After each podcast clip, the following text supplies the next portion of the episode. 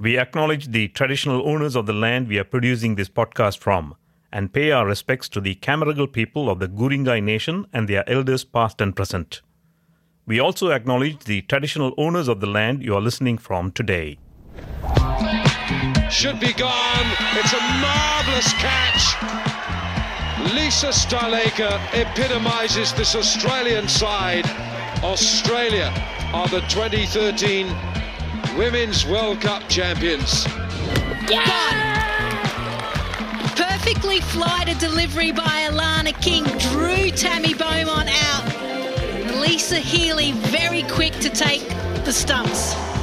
Just listening back to those amazing moments gave me goosebumps. Two women cricketers with South Asian heritage helped Australia win the World Cup in 2013 and 2022. Lisa Sthalekar was born in Pune, India, and Alana King was born in Melbourne after her parents migrated to Australia from Chennai. Commentators say Alana's bowling often reminds them of legendary leg spinner Shane Warne. Both Lisa and Alana have become an inspiration for Australia's multicultural society. They've encouraged girls to pick up balls and bats despite the challenges.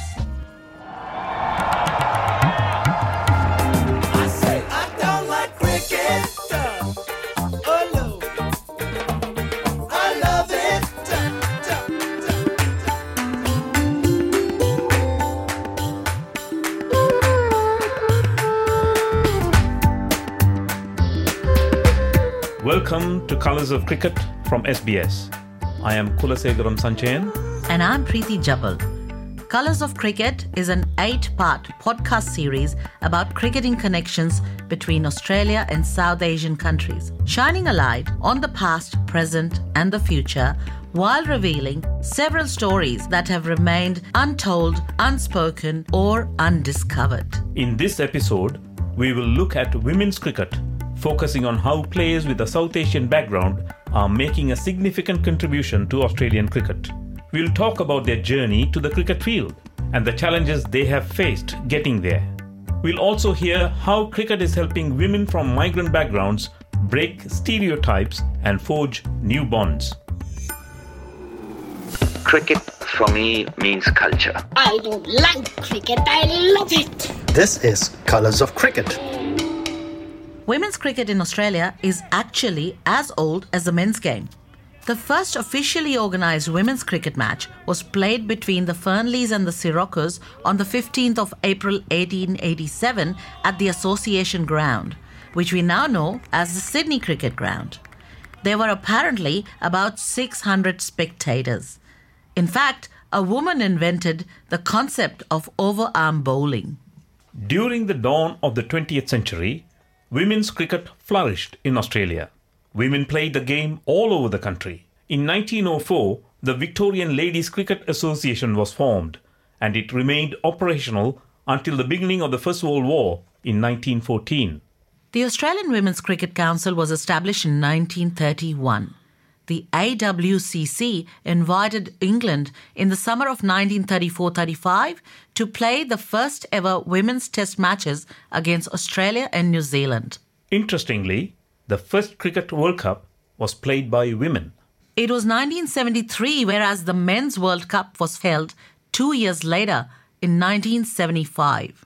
It's commonly thought that men's cricket was always much more popular than the women's game. But that's not really true. Let's hear what former Australian captain Lisa Sthalekar has to say. If you look back at the first test match that was played here in 1934, they had thousands of people that were watching them, supporting them. There was a great surge of support behind women's cricket, and that's why associations were formed in you know the late 1920s, and women's cricket, domestic cricket, has been going on since then. So it's always been there. It's just come in and out of fashion over a period of time, and obviously things have changed dramatically, but when I started, I didn't even know that there was an Australian women's side. I didn't know that a Women's World Cup was played two years before the men's. I didn't know a female invented overarm bowling. I, I didn't know all of these facts, which would have been great to kind of push back on classmates and friends who said, Why are you playing a boys' sport? Well, it wasn't a boys' sport, it's just the women's game wasn't visible.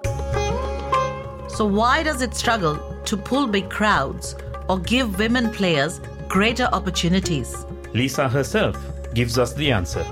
Have a look at the paper and you see men's sport splashed on, and you look at the sponsorship dollars, it's all goes to men. Where it's only recently we're starting to see that a female athlete is actually a, a targeted person because all sports want to grab her and she can now earn money in various different sports, whether it be netball, AFL, league, cricket, football, basketball.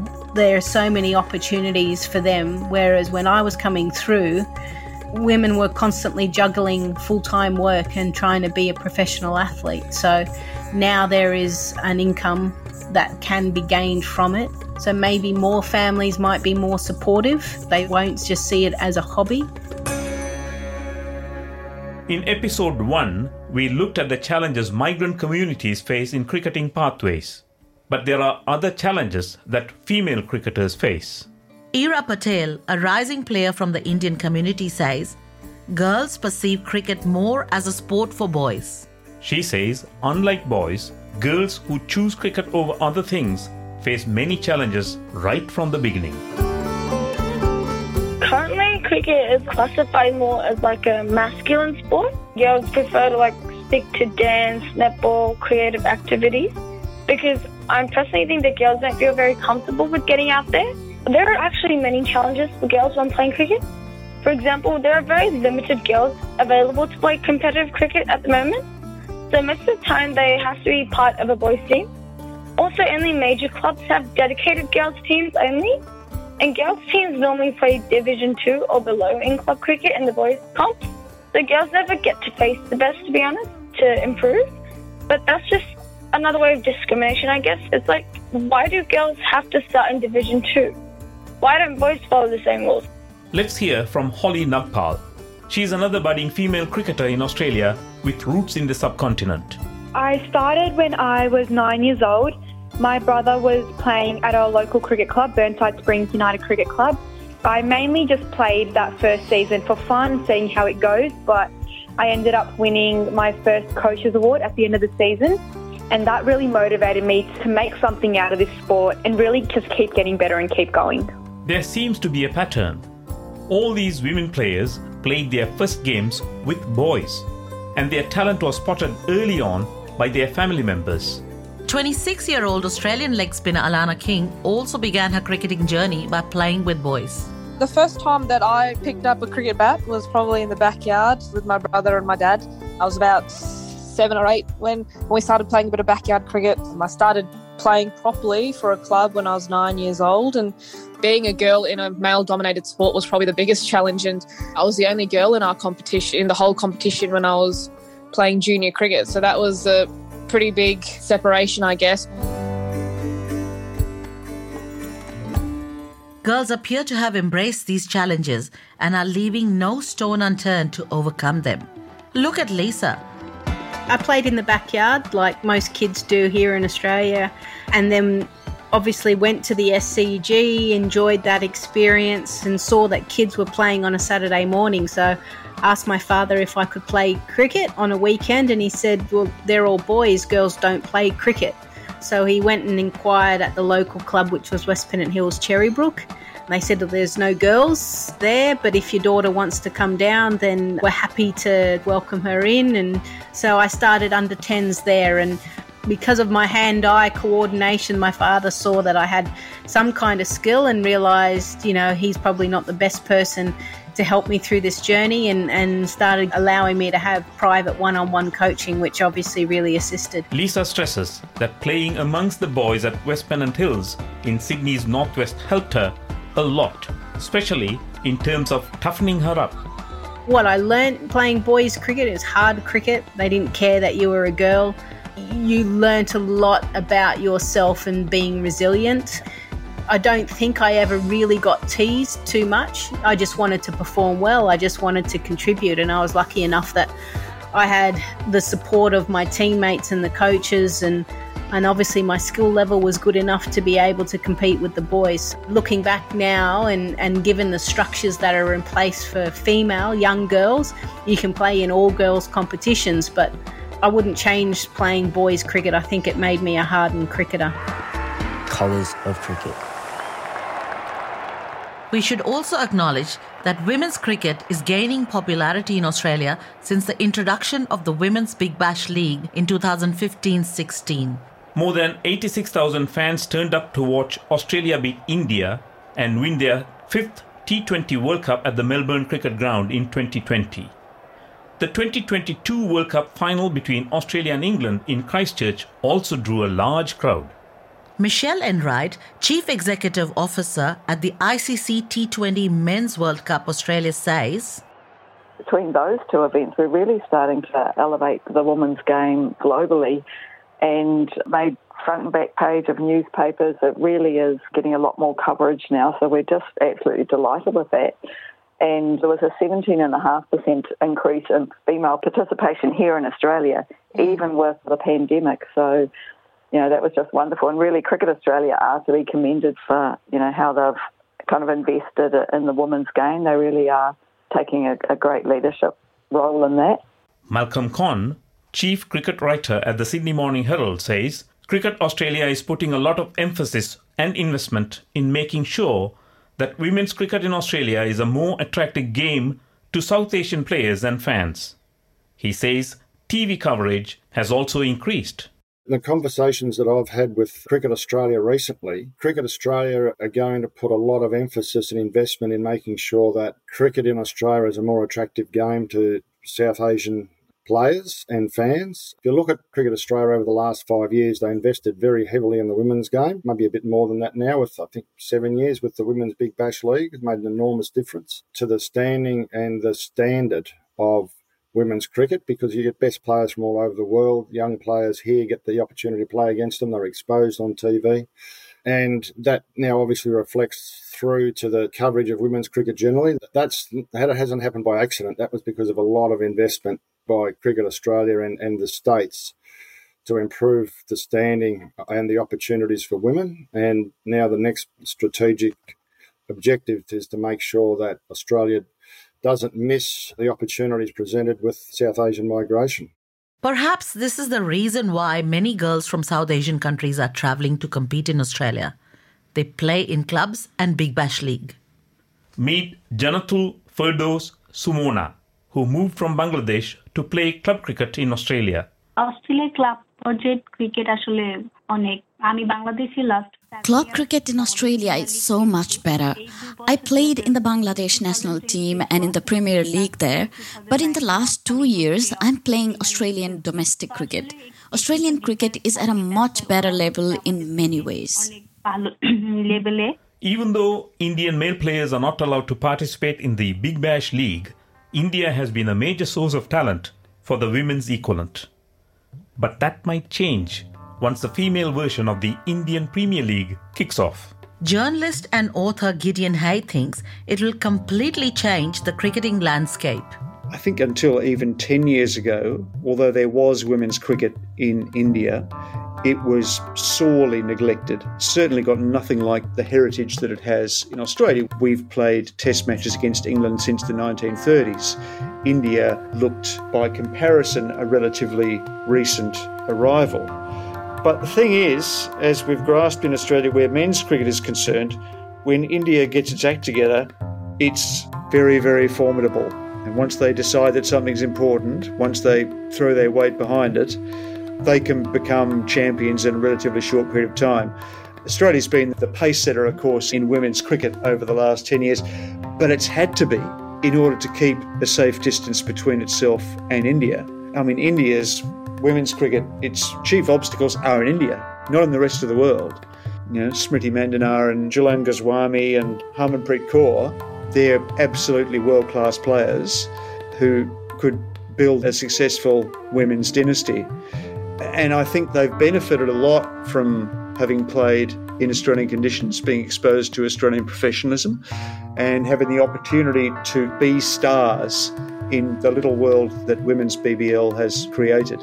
They're going to be significant factors in women's cricket going forward. And I think it's probably only COVID that's held back the possibility of a women's IPL. The IPL's had enough difficulty in being staged over the last two years for it to worry about any additions. But that's the logical next step for the IPL is to build a women's dimension. And once they do that, all bets are off. The ecosystem of women's cricket will change every bit as much as it has for men's cricket. It's interesting to me that the BCCI are apparently going to stop their women's players playing in this fair break competition in the UAE. They're starting to be a bit jealous of their women's cricketers' involvement elsewhere, which suggests to me that they're going to start consolidating India as a, as a base for women's cricket going forward. However, Lisa Sthalekar believes it will not hamper the flow of opportunities for both Indian players and Australian cricket or the WBBL. I don't think they will stop coming. I haven't heard any reports that that won't be the case. My understanding is that ICC is trying to create three clear windows for the 100 WBBL and the women's IPL to prop ups because some national boards can't afford to pay their players what maybe Cricket Australia can. So the domestic competitions allow that to happen. And I'd like to think that BCCI will still allow the female players to play in the WBBL because at the moment it's the best T20 domestic competition in the world. And we've seen players, South African players, Indian players, when they've come out, they've learnt a lot. Harmanpreet Kaur talks about the lessons that she's learnt, even just from a nutritional point of view, what the Aussie girls eat to help her recover and get, gain more strength. So, just those little things can be really important for that player to take it back into their own state system and their own national system as well. So, I'd like to think that it will continue. That raises an interesting point. How about homegrown South Asian heritage players flooding WBBL in the years to come? I seriously believe many girls are ready and waiting for the right opportunity. Holly Nagpal is one such player and is ready to put her name next to Lisa and Alana. Uh, the next few years, I see myself playing in Premier Ones, making really good runs there, taking lots of wickets, and hopefully signing a Big Bash contract as well with a Big Bash team and working my way up from there, I guess.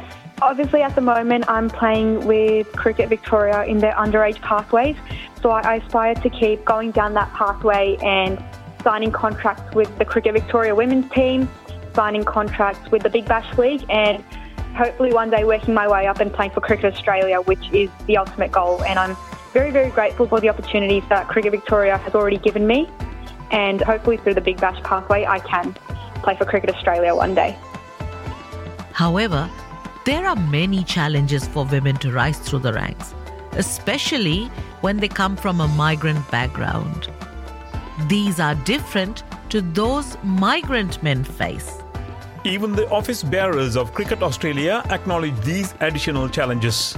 Mel Jones is the first woman of colour to reach the board of Cricket Australia.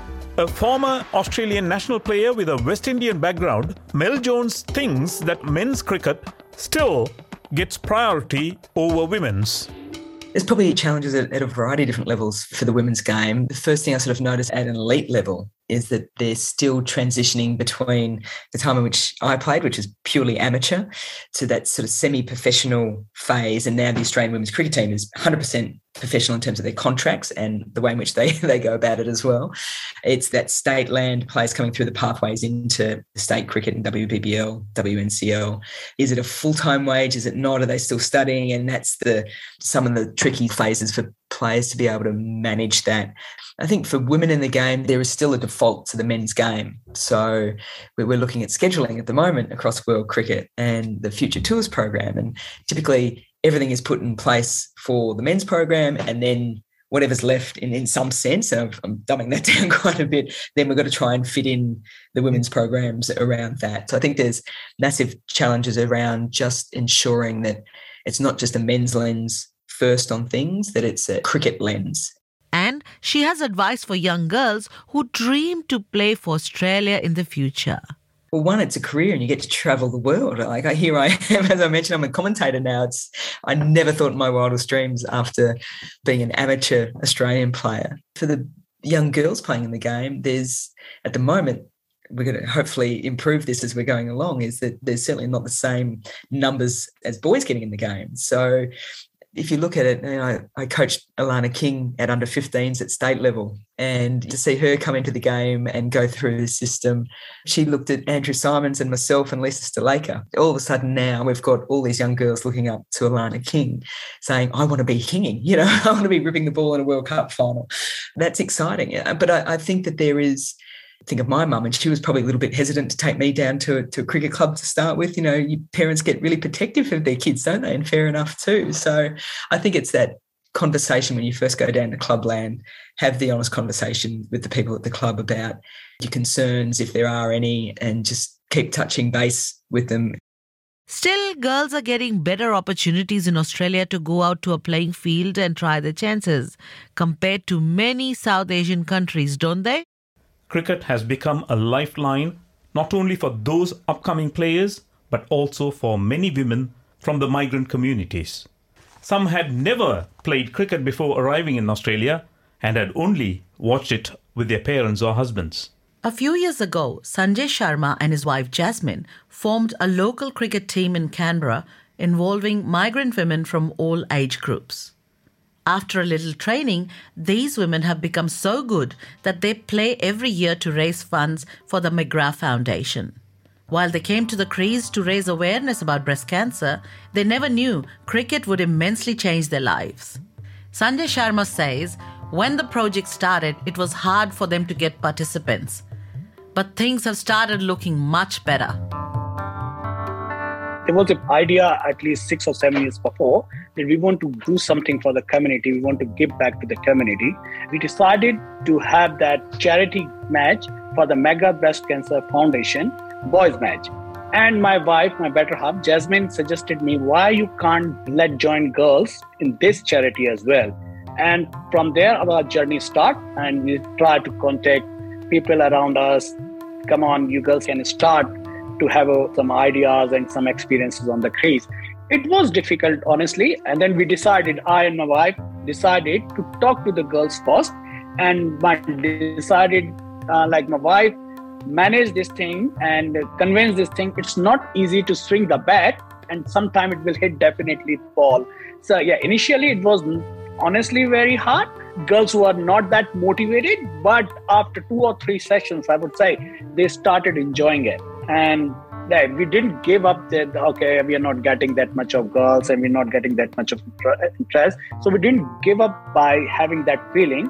I and my wife keep doing the thing keep encouraging girls and or talking to their ladies in the community. After two three years we, this thing started growing up. And now i can see i'm getting more than 50 and 60 expression of interest every year from my Indian community. And this year I got the expression of interest from Sri Lankan community as well.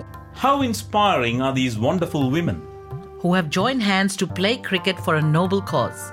Let's hear from Tarun Sharma, a mum of two. It's also more about having a sound mental health. I think what I noticed for many of my friends who are from Indian community, they do things out of their comfort zone. But that is all for the family. You, it's important that you have that me time so that your psychological self or your mental health is also being looked after. You need to nourish yourself because you can't pour out of an empty container. And if you're empty from inside because you are not having that me time, you are not doing something for yourself in terms of maybe a sports. If you're not doing that, then you can't really do that much things for your family or whosoever you want to support. And my personal experience in those terms has been since I have been playing cricket, whatever I'm doing for my family is, I think, with a little bit of extra enthusiasm, extra energy, extra care. And thinking of those future perspectives, like surely sometimes I, I have a talk with my daughter who is just four, and she's like, Mama, I want to play cricket when I grow up just listening to that sort of stuff like you set up an example. You are not letting your daughter or your son know that they have to restrict themselves. You are setting up that example if you do that. And here's another mum pallavi who says it was great to set an example for her daughter. It's actually a, like a domino effect. When you see the next generation watching you making an effort and doing something, it kind of acts as a catalyst to them, you know. So from the theoretical aspect of conditioning your future generation, they kind of learn by themselves by watching. So this is actually what's happened at our end. Uh, so my daughter saw me, you know, watching cricket, even though I was playing recreational cricket, just you know, for charity. She was like, and then she participated in it as well. So that encouraged her so yeah so now she is pretty much inclined to actually and she wants to train for cricket professionally so we don't know where she goes but then it does reflect.